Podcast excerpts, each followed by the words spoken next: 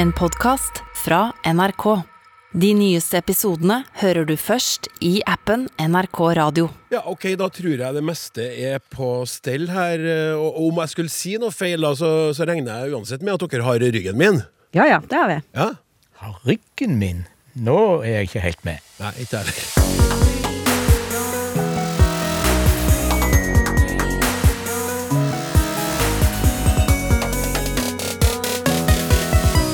Mens vi setter oss i sofaen, så sitter vi på en benk. Hvorfor det? Har det skjedd en radikal forandring i forståelsen av begrepet radikal? Stemmer det at færre stadig ofte blir bytta ut med mindre? Og hvor dreven i durk må du være for å kunne kalles durkdreven?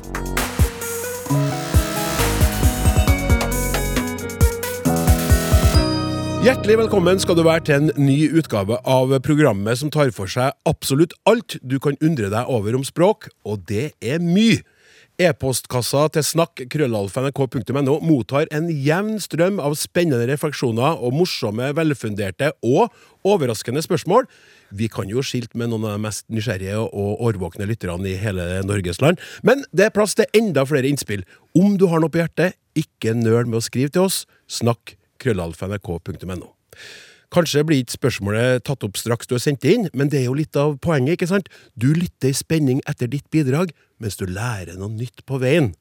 Og dem som skal opplyse oss i dag, det er et strålende trekløver bestående av språkforsker ved NTNU, Institutt for språk og litteratur, Anne Dahl, språkforsker Jan Christian Hognestad fra Institutt for kultur- og språkvitenskap ved Universitetet i Stavanger, og fra Senter for flerspråklighet ved Universitetet i Oslo, Toril Oppsal, også språkforsker. Hyggelig å se dere, alle tre.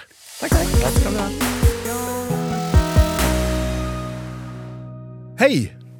Datteren min Marie, 11 år, har følgende spørsmål.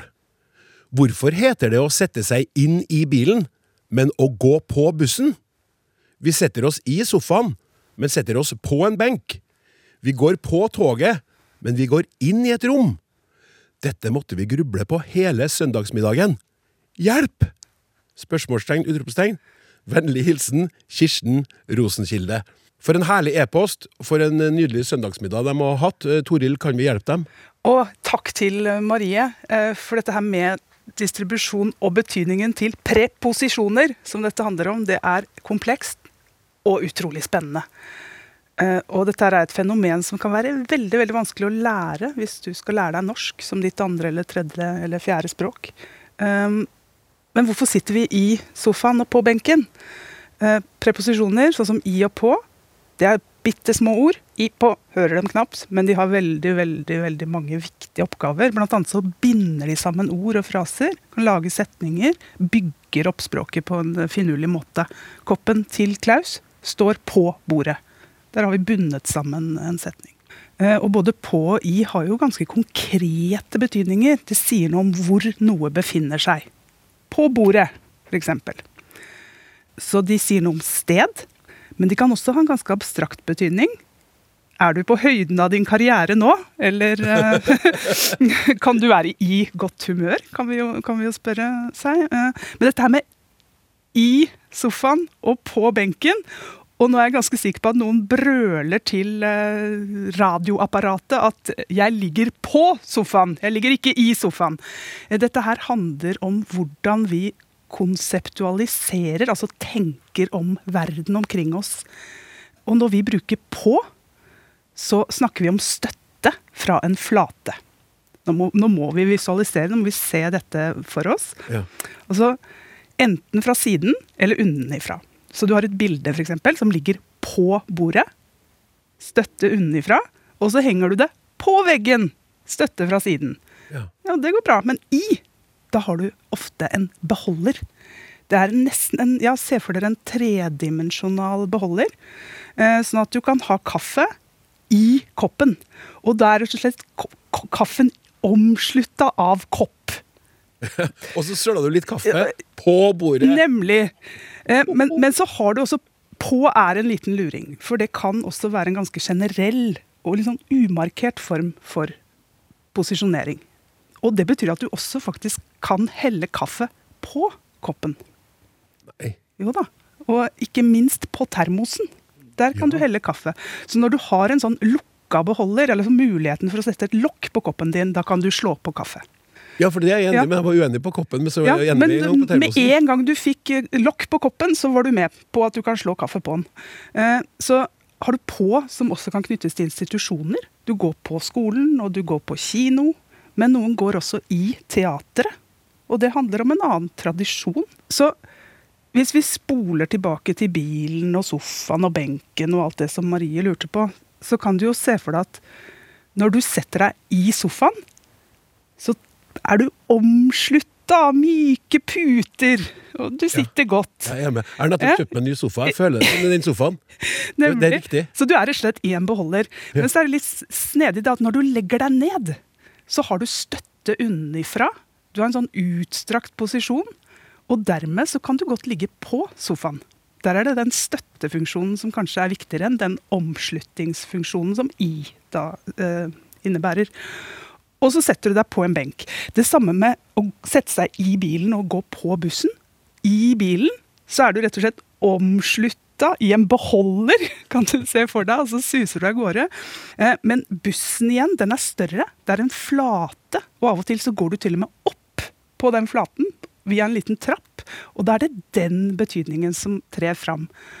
Så er det jo morsomt at her er det store forskjeller mellom språk.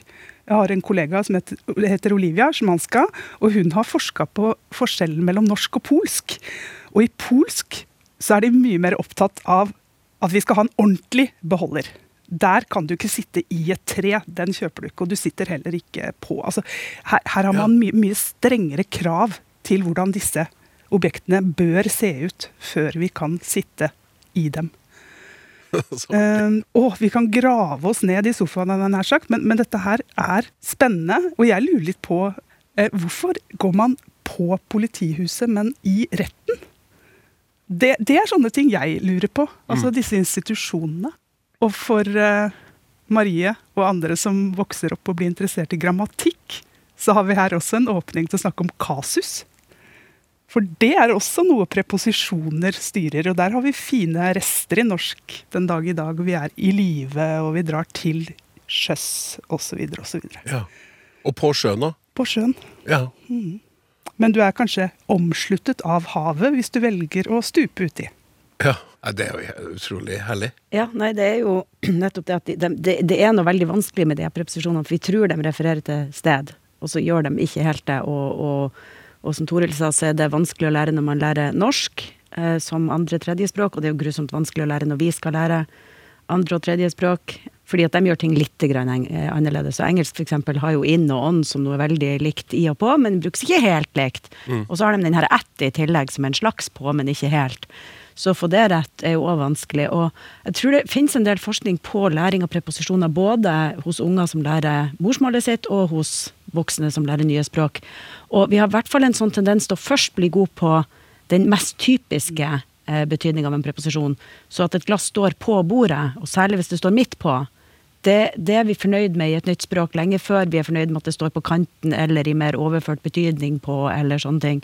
Så på i sofa, eksempel, vil det være en vanskeligere ting å lære enn på bordet. Nettopp fordi det er litt sånn tvetydig. Er du omslutta av denne sofaen, eller sitter du oppå den, eller Ja. Så det, det, det De er litt sånn mer komplekse enn man tror når man hører de der småordene. Ja. Eh, Og når det er så komplisert som du sier, Toril, så trenger en jo heller ikke gå til andre- og tredjespråksinnlærere for å, for å få problemer. Jeg har jo, eh, et, før jeg begynte i akademia, et gammelt yrkesliv som eh, norsklærer i skolen. Eh, Og jeg husker veldig godt elevene mine med norsk som morsmål som bare det. Brukte preposisjoner vaklende, ville da jeg som lærer si i tekstene sine. Så dette er noe som vi alle har problemer med i større eller mindre grad, tror jeg. Så er det jo stor forskjell på det konkrete og det abstrakte her også. Altså, du kan gå på biblioteket, men du kan også gå i biblioteket og se etter en bok en konkret gang. Ja, Ja. Ja, Når, når du ja. går i biblioteket, da går du kanskje rundt i Det biblioteket og leter. Men går du på biblioteket, da, da har du bestemt deg for å oppsøke ja, stedet, så å si. Jeg går på biblioteket nå og bytter de bøkene vi leide for altfor lenge siden. Jeg har jo fått en del krav. Mm. Og da sa jeg litt for mye. Jeg sa litt for mye om eh, jeg, jeg, jeg er i biblioteket nå. Hvilken bok var det du ville ha igjen? Ja. Nettopp. Og, og nå går du kanskje i kjelleren. Ja, ja, ja. Så er vi, er vi litt Og det er også interessant her, da, Torell. I kjelleren, som jo man går i hvis man har en kjeller, og så går man i kjelleren uh, innimellom som menneske når man sliter. Ja, Det er jo to veldig forskjellige ting. Så tror jeg også vi er litt uenige i norsk om hva som er korrekt preposisjon i forskjellige bruker, som avhenger litt av dialekt og kanskje bare tilfeldigheter av og til. Så eksempel heter det i stua eller på stua, det tror jeg vi krangler litt om. Eh, Den vil nok variere mellom folk hvor fornøyd de er med å være på sofa. Så, så, så vi er ikke alltid helt enige heller om bruken innad i norsk. Altså dialekt og individuell ja, variasjon. Også det, det, eh, det, og det mener jeg faktisk. Jeg tror dette også handler om i hvilken grad vi er utstrakt, eller sitter, eller ligger, eller står. Og at det handler mye om form og kropp og blikk. Og at dette sier igjen mye om oss som mennesker. I hvilken grad vi er fornøyd med å være i eller på stua. Ja, jeg tenkte på det når du snakka om det i sted, at eh, man kan jo si sånn Legg deg på senga litt nå og slapp av. Kan, man kan si det, men så Ja. sier man også Jeg ligger i senga. Ja. Jeg har ligget her hele dag, jeg er så slapp. Da tror jeg du har på deg dyne. Ja. Hvis du ligger i senga. Så Ja. der har du igjen dette at du er omslutta av noe. Du er i en beholder. Altså, Marie, du har virkelig vært inn på noe som eh, vi sikkert også kommer til å komme tilbake til. Men her og nå så setter vi strek der og går videre i programmet! Hei! Tidligere mener jeg at ordet radikal ble brukt om personer som ville ha forandring i samfunnet, gjerne i retning av større likhet i sosialistisk, ret i sosialistisk retning. I dag er bruken av radikal eller radikalisert dominert av at en tenker på personer som er islamister, og som lett tyr til terror. For meg blir dette, dette to helt forskjellige betydninger av radikal. Mitt spørsmål er, når kom den nye bruken? Og er det hensiktsmessig for det norske språk å ha to så forskjellige betydninger? Kanskje vil en opprinnelig betydning forsvinne? Hilsen Olav Jones. Interessant spørsmål, Jan Kristian. Absolutt. Ja. Eh, dette har jo med relasjoner, forhold mellom ord, eh, å gjøre. Eh, og, og hvis vi lager to ytterpunkter, så har vi synonymer som alle kjenner til, ulike ord som betyr noenlunde det samme. Eh, det andre ytterpunktet er det som på fint heter homonymer. Eh, der er ordene like, men har forskjellig betydning. Og, og da kan betydningen være virkelig forskjellig. Jeg holdt på å si radikalt forskjellig. eh, sånn som så, sånn så høy, ikke sant? Det kan være et substantiv med gras som du gir til kua. Eh, og det kan være at en person er 1 meter og 95.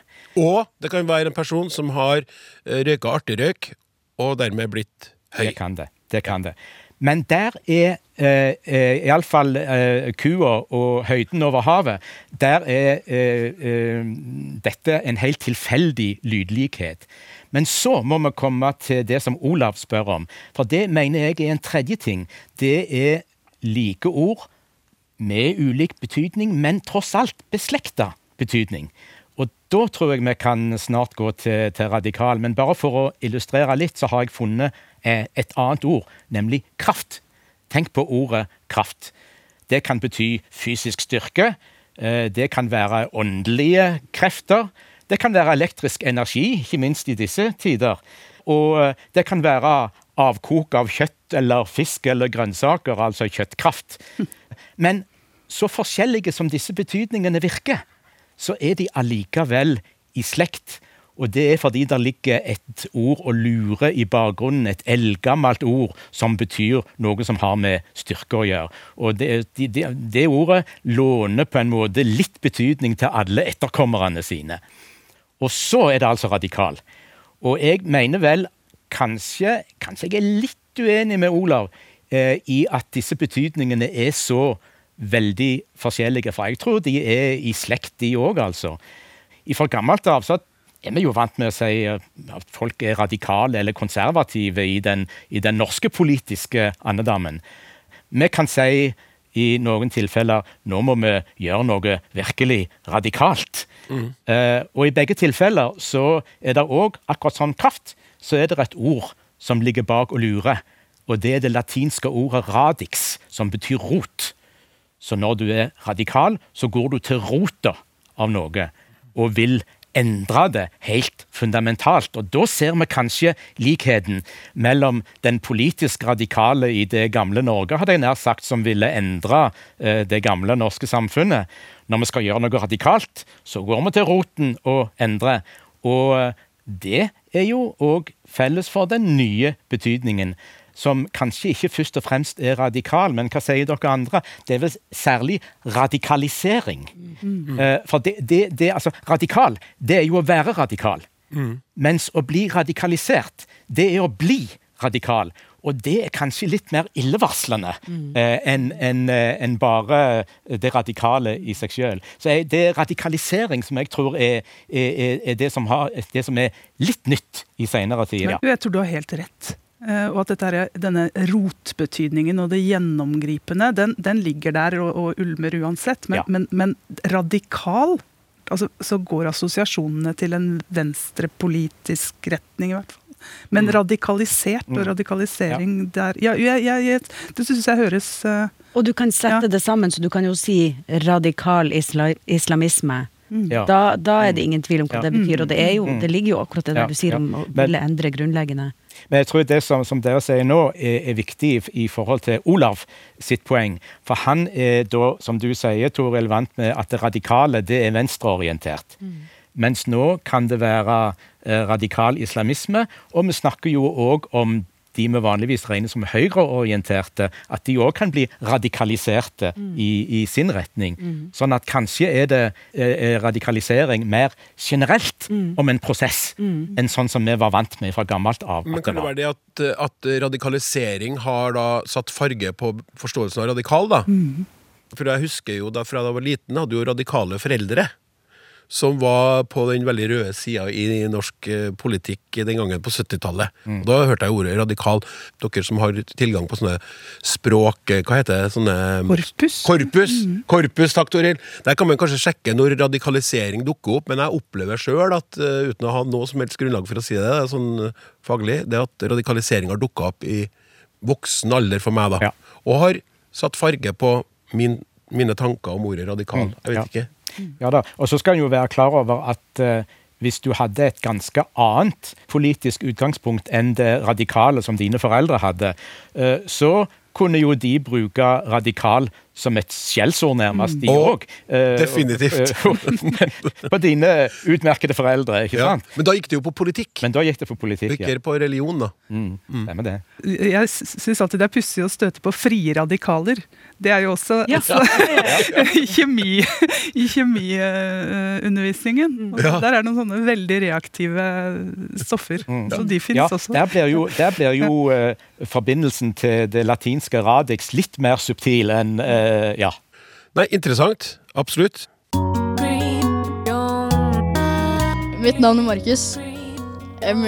Mitt favorittord er traktor, fordi jeg syns det er ganske artig å hjelpe med. Og sånn generelt alt som har med gård å gjøre.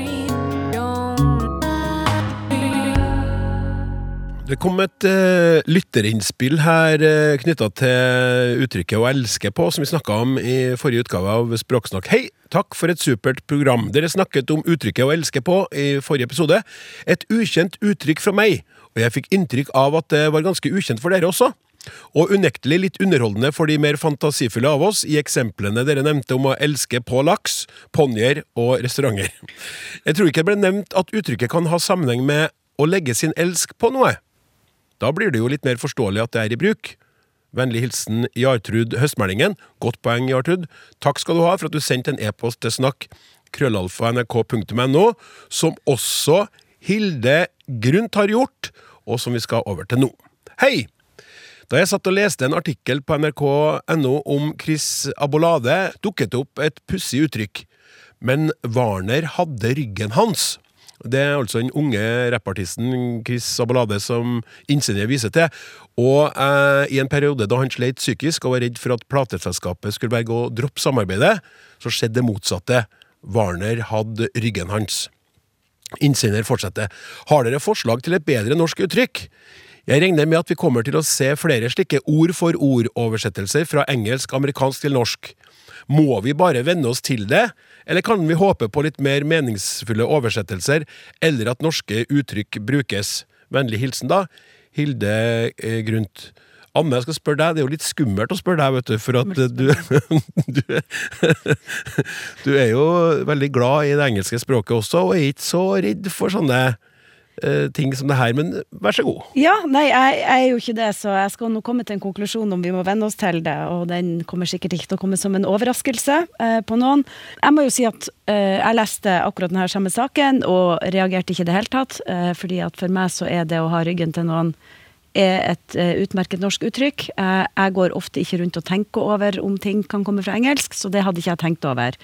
Så takk for det spørsmålet, for da måtte jeg jo tenke over det. Og det er sånn at det er ikke første gangen det her uttrykket da har blitt oversatt ord for ord fra engelsk, som, som innsenderen sier. Det er nok et uttrykk som er i bruk i norsk. Men jeg tror eh, det er et ganske nytt uttrykk. Jeg vet ikke om mine kolleger her er kjent med det uttrykket. Er det et uttrykk dere kunne brukt? For meg var det til de grader et nytt uttrykk. Ja. Helt nytt uttrykk. Jeg har hørt det. Ja. Jeg er usikker på om jeg har brukt det. Ja, for jeg, jeg tror jeg kunne bruke det. Så jeg måtte jo undersøke litt da, når, når det her spørsmålet kom, og ingen av de store norske ordbøkene lister det her som et uttrykk i forbindelse med rygg.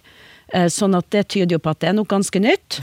Men så søkte jeg litt hvor mye er det brukt. Jeg finner ganske mange Det er jo vanskelig å, å google det, da, for du har, han har ryggen min, og jeg har ryggen din, og eh, altså det, det er vanskelig å, å søke opp det her uttrykket, men jeg finner masse treff.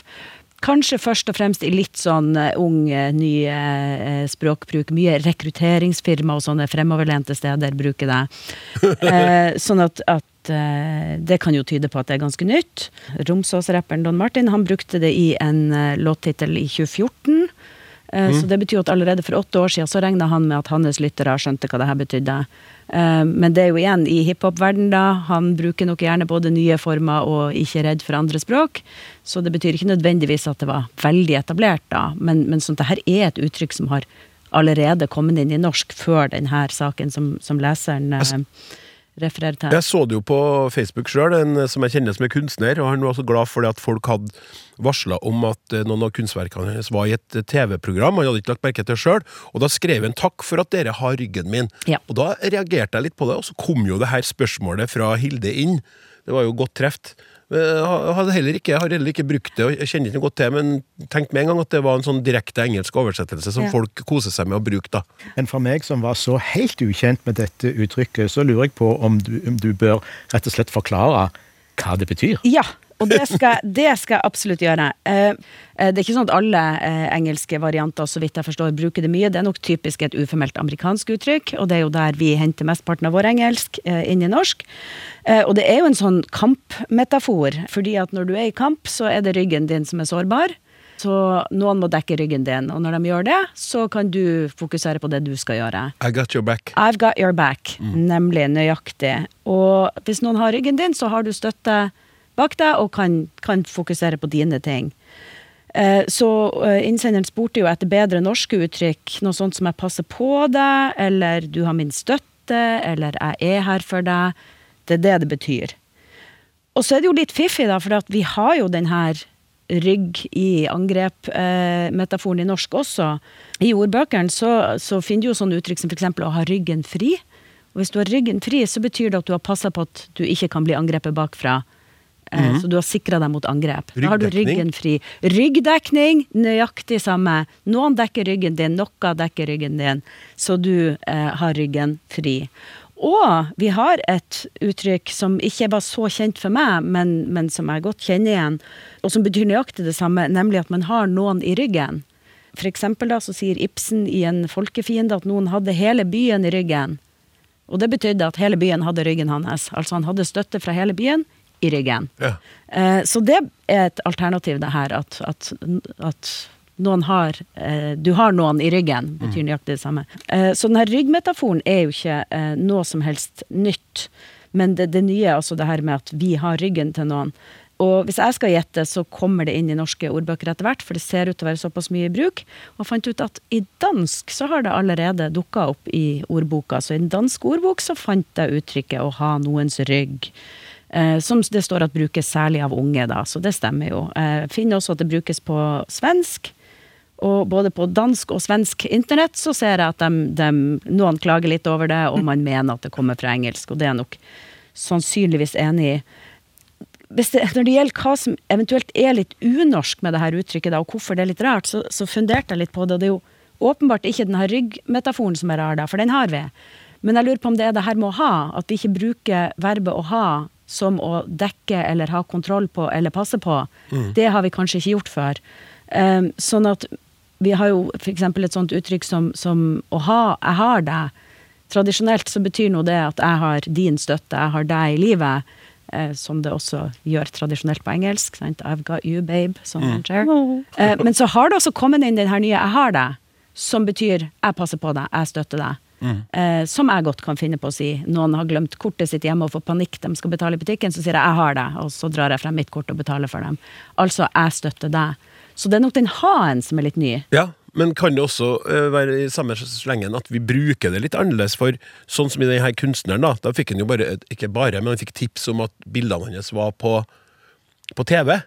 Og da er det jo noen som hjelper som tipse Ja. om det, men det er heller, det er ikke noen sånn stor innsats. Han er jo ikke redda ut av en situasjon, eller skjønner du? Så vi, har, vi drar det litt inn i litt andre retninger. Litt kanskje, eller han føler at han har uh, fansen sin i ryggen. Ja. Uh, Ja, at, ja, en men har det en, er det en litt sånn endring på norsk ut ifra det eng, engelske eller amerikanske bruken? Da, Ja. lurer jeg på. Ja. At vi drar det litt i andre retninger? Ja, Ja. Jeg, jeg tror det er nettopp det at det er en litt ny bruk av, av ha, faktisk. Ja.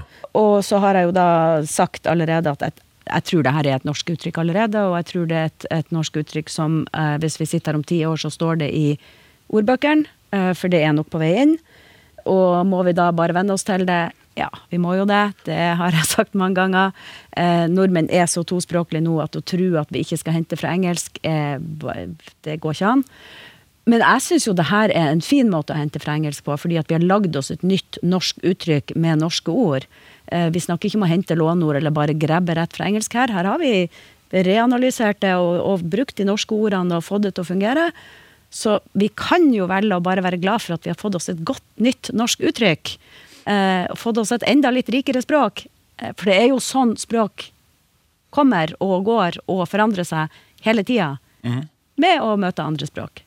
Ja, eh, helt enig med Anne. Og dette er jo et fenomen som har foregått lenge i norsk, egentlig. Eh, hvis noen ikke likte dette uttrykket som vi har snakka om nå, så kunne de finne på å si at nei, det er sånn som det der er ikke jeg helt komfortabel med.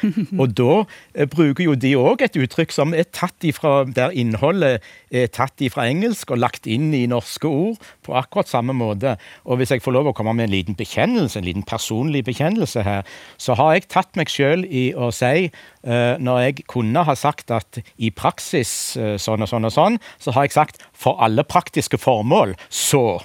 Og da er det jo for all practical purposes på engelsk som, som ligger bak. Og jeg, Av og til er jeg litt beskjemma når jeg sier det, men jeg har lyst til å være enig med Anne òg at dette er en helt grei måte å lage nytt eh, norsk språkinnhold på. Og så har jeg lyst til å si at for ikke lenge siden så ble det levert en masteroppgave på Universitetet i Agder i Kristiansand. Eh, Og jeg vil nevne den fordi tittelen var så flott. Den handler om dette som vi snakker om nå, og den heter 'Norsk utenpå og engelsk inni'. Og det syns jeg beskriver så godt det vi snakker om nå.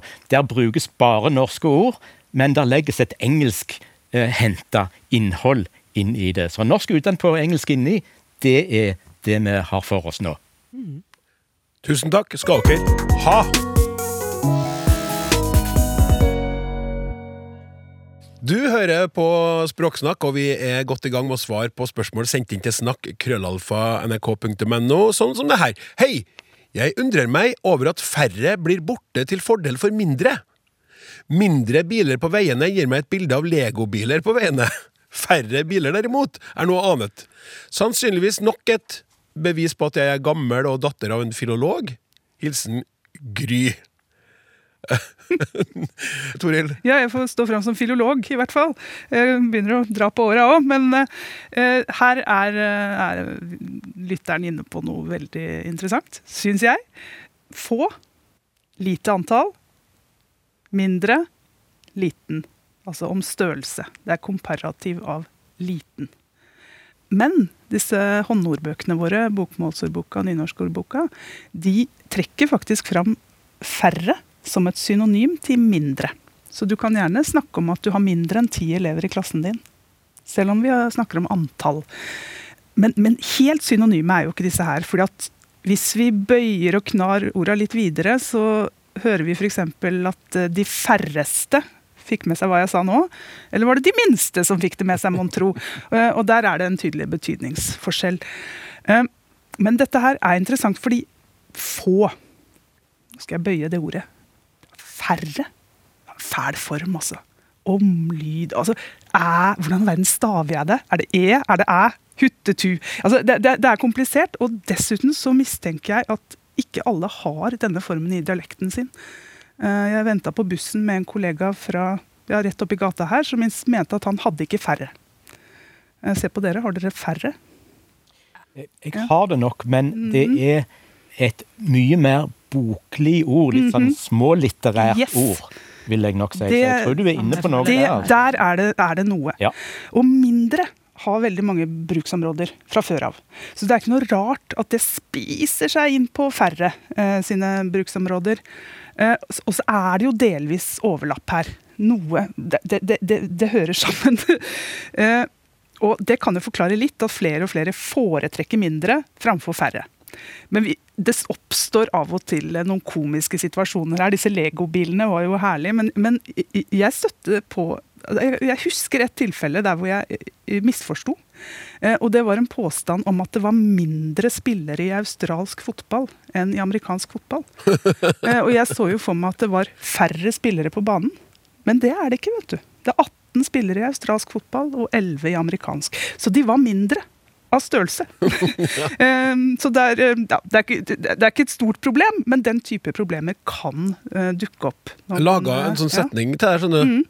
Hvis færre blir til mindre, hva gjør det f.eks. med størrelsen på antallet biler i trafikken? Det er akkurat det. Det synes jeg var, det, det var det en artig lek med deg. Det er Da blir det da er alt der. Ja, og, og jeg spant litt rundt en folkemønstring for færre mindre. Kanskje? Ja, færre mindre. Eh, og, Det er ikke hodet til Anne nesten rundt. altså, og så er det jo særlig når vi har med eh, altså, antall og i, i situasjoner der hvor antall og mengde og størrelse sklir over i hverandre, særlig når vi kan snakke om massesubstantiv, eller hva med folk? Det er et eh, ord hvor vi ofte kan snakke om mindre folk enn vi regna med. Og da har de ikke gått ned mange kilo, men de er nok et altså, lavere antall enn det vi så for oss. Ja. Eh, så mindre tar nok ikke bare over, men har kanskje vært der en stund. Og, og er også et synonym vi kan bruke i en god del sammenhenger. Men ikke alle. Nei. Så legobilenes uh, inntogsmarsj har kanskje Ja. Mm. ja um, da, du nevnte en sånn feilkilde, at noen kanskje ikke hadde færre i nesten i det hele tatt i det aktive ordforrådet sitt. Og da kunne det vært interessant å gjort altså For å få vekk den feilkilden, så kunne det vært interessant å undersøkt ikke færre versus mindre, men flere versus mer. For det, I utgangspunktet så handler jo dette om forholdet mellom de tellelige og de utellelige eh, størrelsene.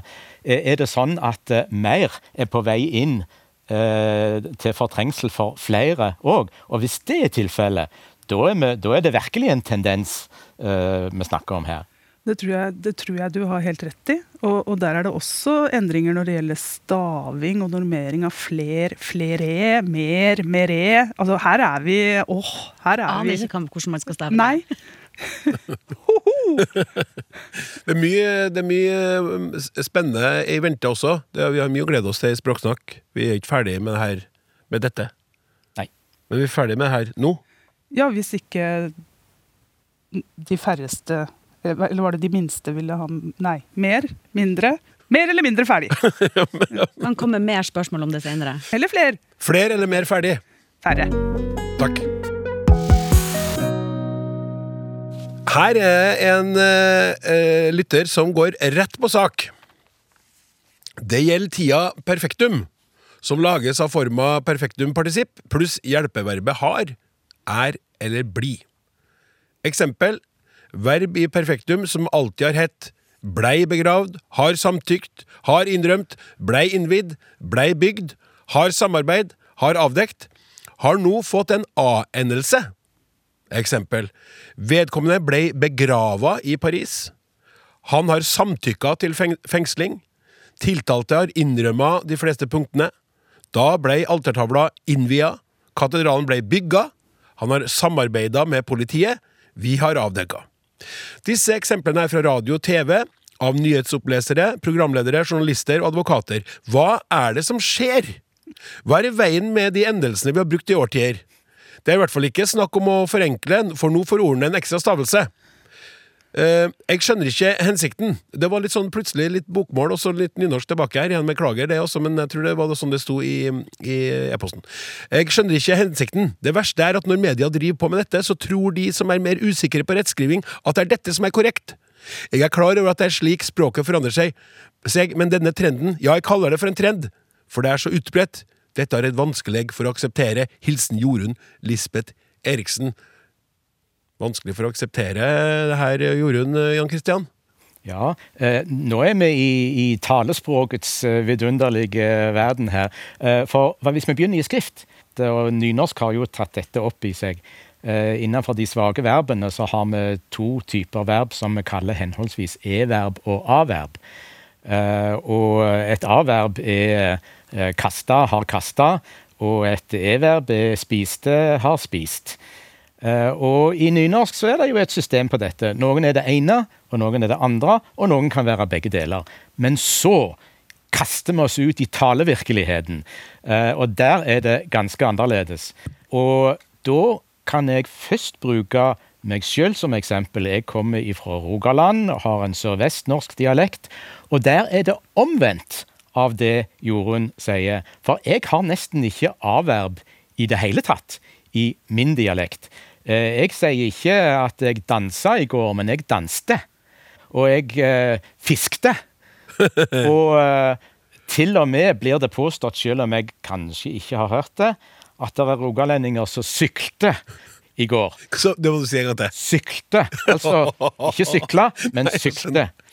Eh, Så vi har altså dialekter som nesten ikke har avverb. Jeg kan ikke bruke min dialekt for å finne ut om jeg skal bøye et verb som det ene eller det andre på nynorsk. Men det som vi hører om her, det er den motsatte ytterligheten. Eh, At en har masse, masse avverb i talen sin, selv om de eventuelt ikke er normerte som eh, avverb i, i nynorsk. Altså, jeg, jeg jo, sitter jo i en sånn e-verb i sånn et e-verbreservat i Rogaland. Og har, har kanskje ikke så mye erfaring med alle disse a-verbene. Kjenner dere eh, alle disse a-endingsformene som eh, Jorunn forteller om? Eh, Jeg kjenner ikke alle, men jeg kjenner noen. Ja. Og noen av de formene Jorunn nevner, de er jo faktisk normerte bokmålsformer. Og det er kanskje årsaken ja. Til at vi ser en eh, spredning her også. Det er nok en, og en påvirkning. Og i min verden så kan jeg jo ha avverb som slutter både på A og ET. Så jeg kan både ha noe som er avdekka og noe som er avdekket. Ja. Så der har jeg et lite valg Ja. og et dilemma jeg står overfor. Men jeg ville nok vært fornøyd med å ha samarbeida med deg, jeg, Jan Christian. Mhm. Eksempel. Det er ikke noe problem, det. Eller eh, vi kan godt ha innvia et hus. For de fleste av de her så har ikke jeg noe Nei. Men, men jeg eh, vi må spørre deg nettopp det fleste må spørre dere, da. Ble begrava? Den, den reagerte jeg på. Jeg tror jeg sier at noen ble begrava. Um, jeg har litt problemer med å si begravd. Jeg kan kanskje si begge deler. Men Ja. jeg innbiller meg Det var alltid vanskelig å, å si hva man sjøl sier, for så plutselig sier man det motsatte. Mm. Men jeg innbiller meg nok at jeg foretrekker ble begrava. Ja. I, språk, I språkvitenskapen så er vi ofte eh, interessert i om det er noen sånne tendenser, sånne overganger. altså blir, blir det flere avverb for eksempel, enn det har vært før? Og jeg må nok si eh, at jeg i voksen alder nok har begynt å bruke litt flere avverb, så det kan hende at jeg dansa i går, eller fiska. Eh, det kan hende. Eh, og hvis, Det har du nå innrømma. det har jeg nå innrømma, ja. Nei, eh, altså innrømma, den er meg nokså fjern, egentlig. Men hvis det er rett at jeg, selv jeg i min rogalandske verden b bruker flere eh, avverbbøyinger enn før, kan det være at dette er en tendens? At det er flere a-er på vei inn? Jorunn lytter spent ved radioapparatet eller inni headsettet sitt nå. Og spørsmålet henger i lufta, og vi lar det henge der, for vi går videre i programmet. Jeg heter Sigrid, og favorittordet mitt er brus. Fordi jeg er veldig glad i brus, men også eh, bruset Brus fra publikum, bruset fra havet.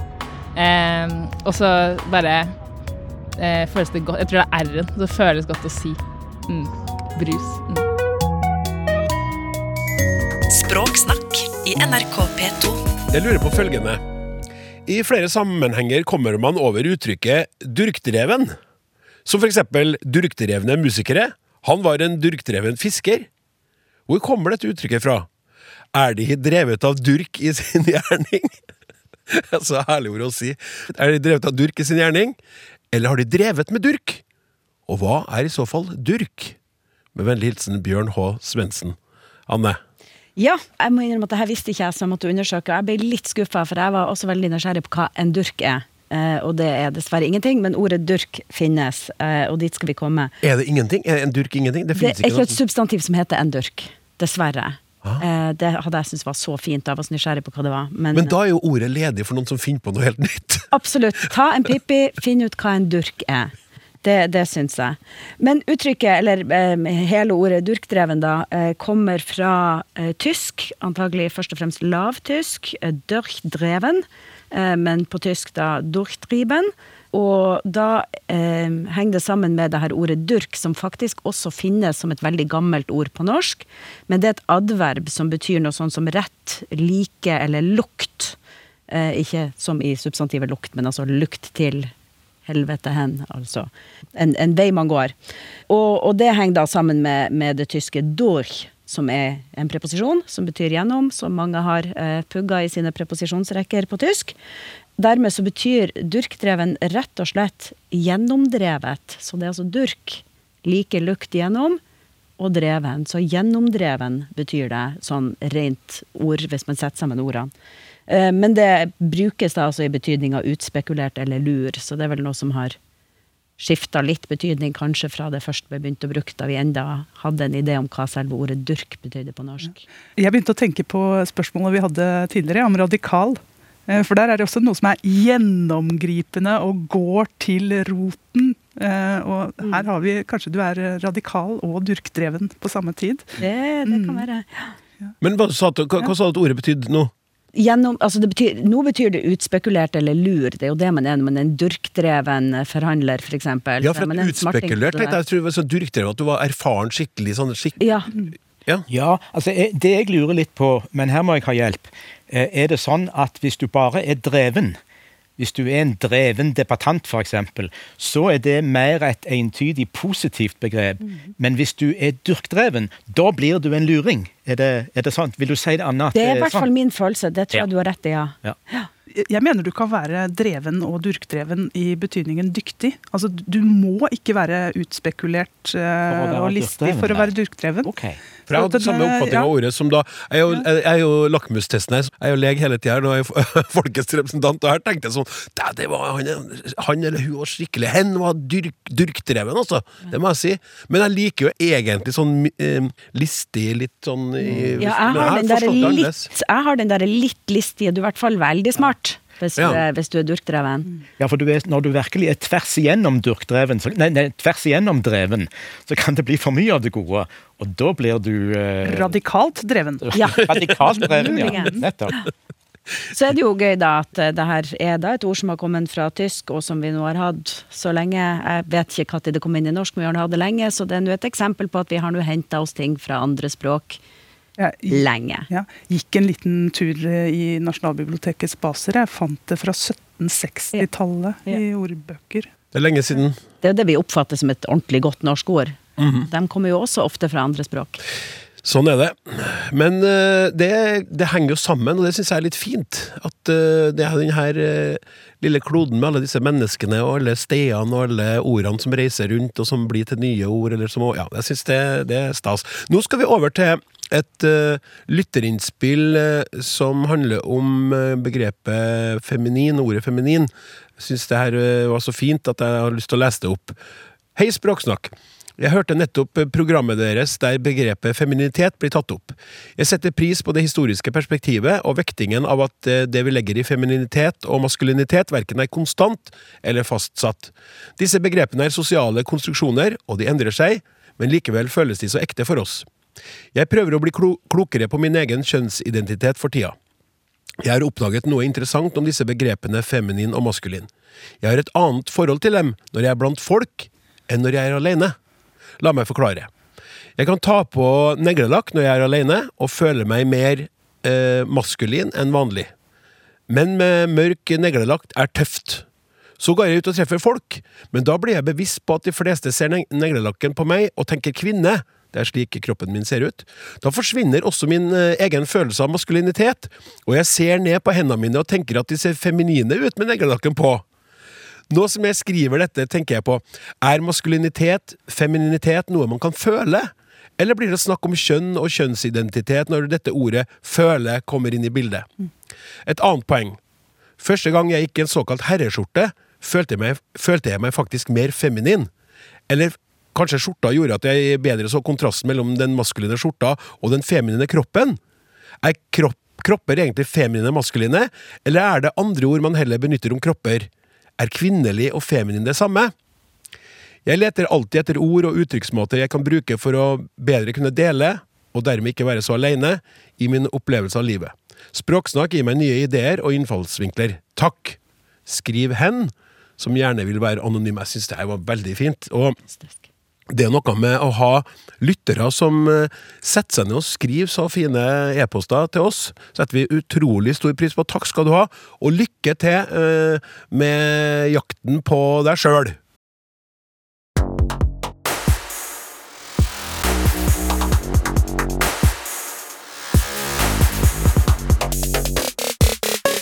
I et intervju etter en av de første kampene i England brukte Erling Braut Haaland ordet 'shit' tror vi stopper der og med en gang tar og spiller av eh, lydklippet der han bruker ordet. Yeah, I could. Uh, if you saw the window right before I went off, uh, I should have been there. So uh, a bit shit, but that's all it is.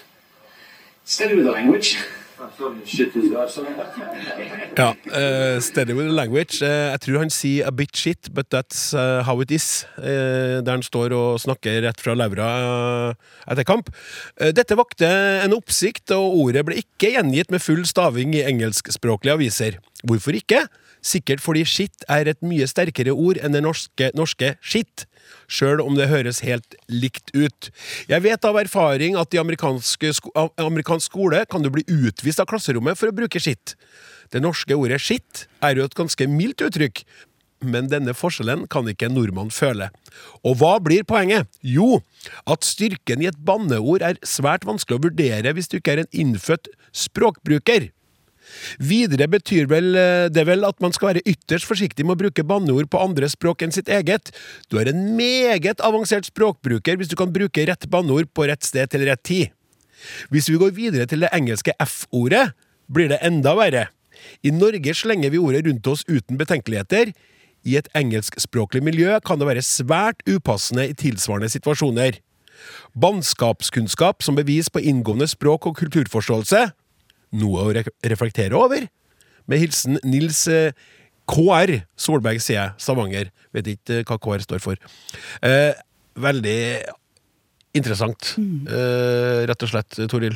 Ja, jeg, Nils KR eh, har sagt det, han. Altså, vi, vi kan i grunnen stoppe der. Nei, vi, vi kan gjerne reflektere litt over dette. For det er helt rett som han skriver, at tabuer, banneord Dette her er kulturavhengig. Eh, og det er nettopp, nå skal jeg prøve å sitere Nils KR, bevis på inngående språk- og kulturforståelse. Dette er kompetanse på svært, svært høyt plan. Um, og så er det jo sånn at noen grupper, særlig av tabuområder, de varierer.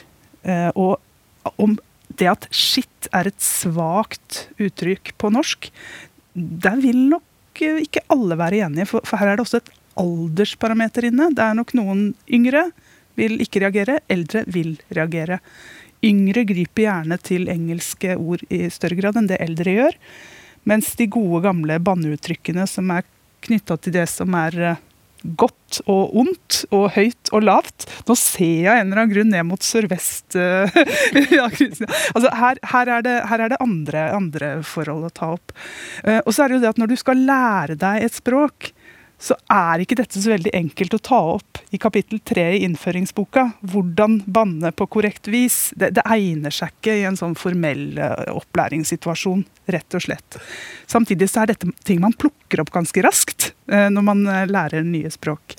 Og det er nødvendige ord for å uttrykke affekt og evaluere og smerte og engasjement.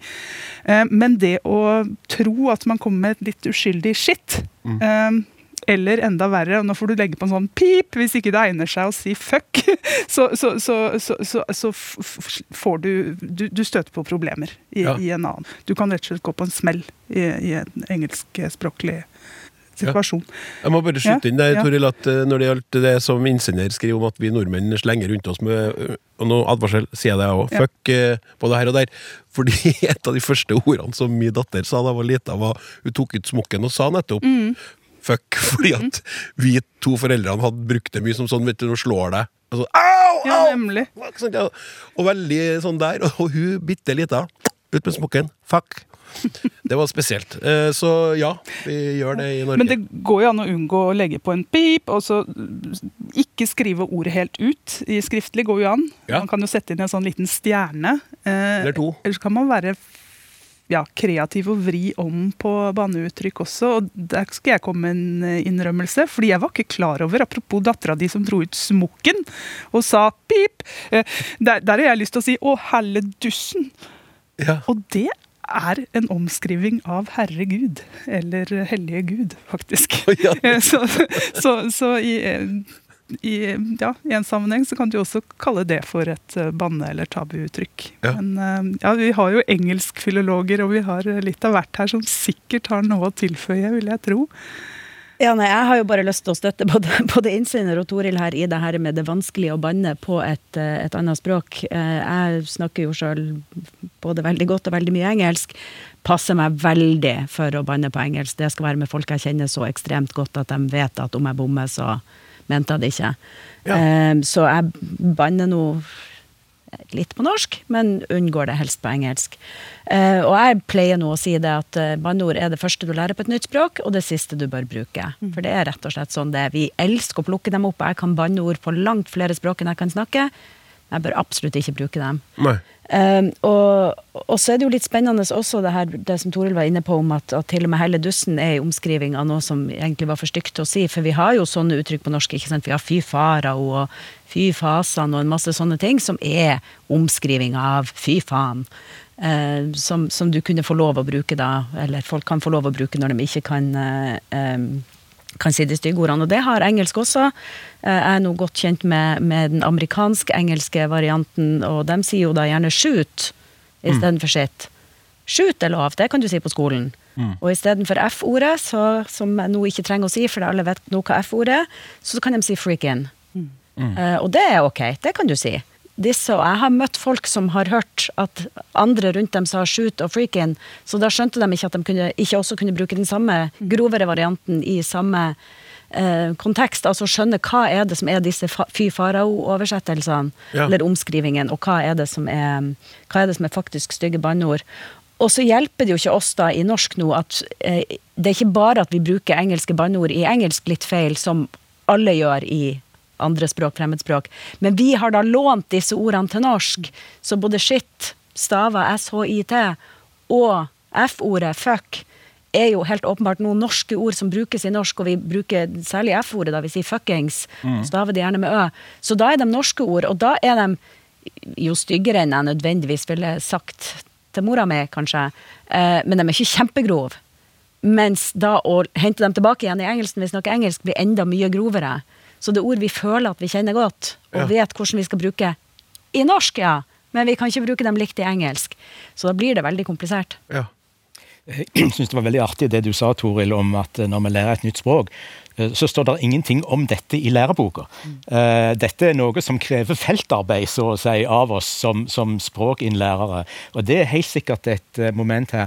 Men er det så generelt dette at når et ord har noe sensitivt over seg, så blir slingringsrommet mindre for bruken av det, og feil, eh, feilmulighetene større.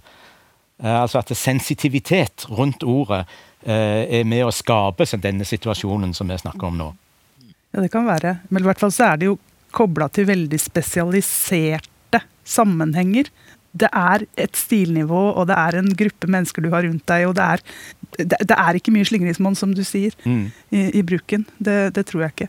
For Sånn som I engelsk så er det jo sånn direktesendt TV som Haaland var på her. ikke sant? Der er det en, men de har jo, altså det er jo vanvittig mange engelske serier med bannskap og tjo og hei. Men her snakker du da rett ut uh, sant, på direkten til folk som ikke da kan velge det bort. Og dermed skal du ikke bruke det ordet. Og men sånn har vi det jo i, i norsk, ikke sant. Eh, norsk TV-serie, film, så kan det jo være bannskap en masse. Men hvis det dukker opp like mye stygge ord i, i sportssendinga på, på NRK, så kan det nok hende at folk reag- reagerer. Sånn at ja, det er jo medietype og kontekst og sånt som tilsier om det er greit. Men, men det når vi, de tilfellene der dette blir reagert på, der brukes shit.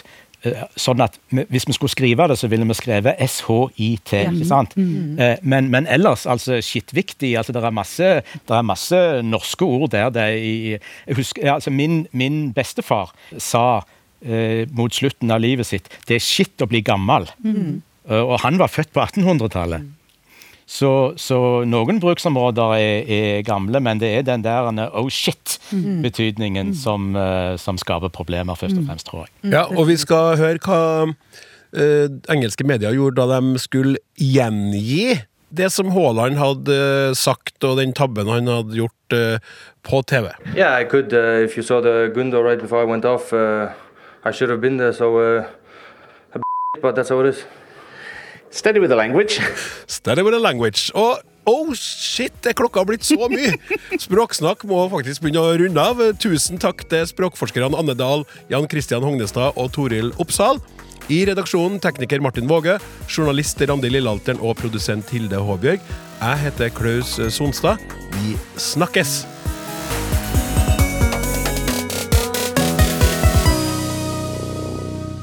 Du har hørt en podkast fra NRK. De nyeste episodene hører du først i appen NRK Radio.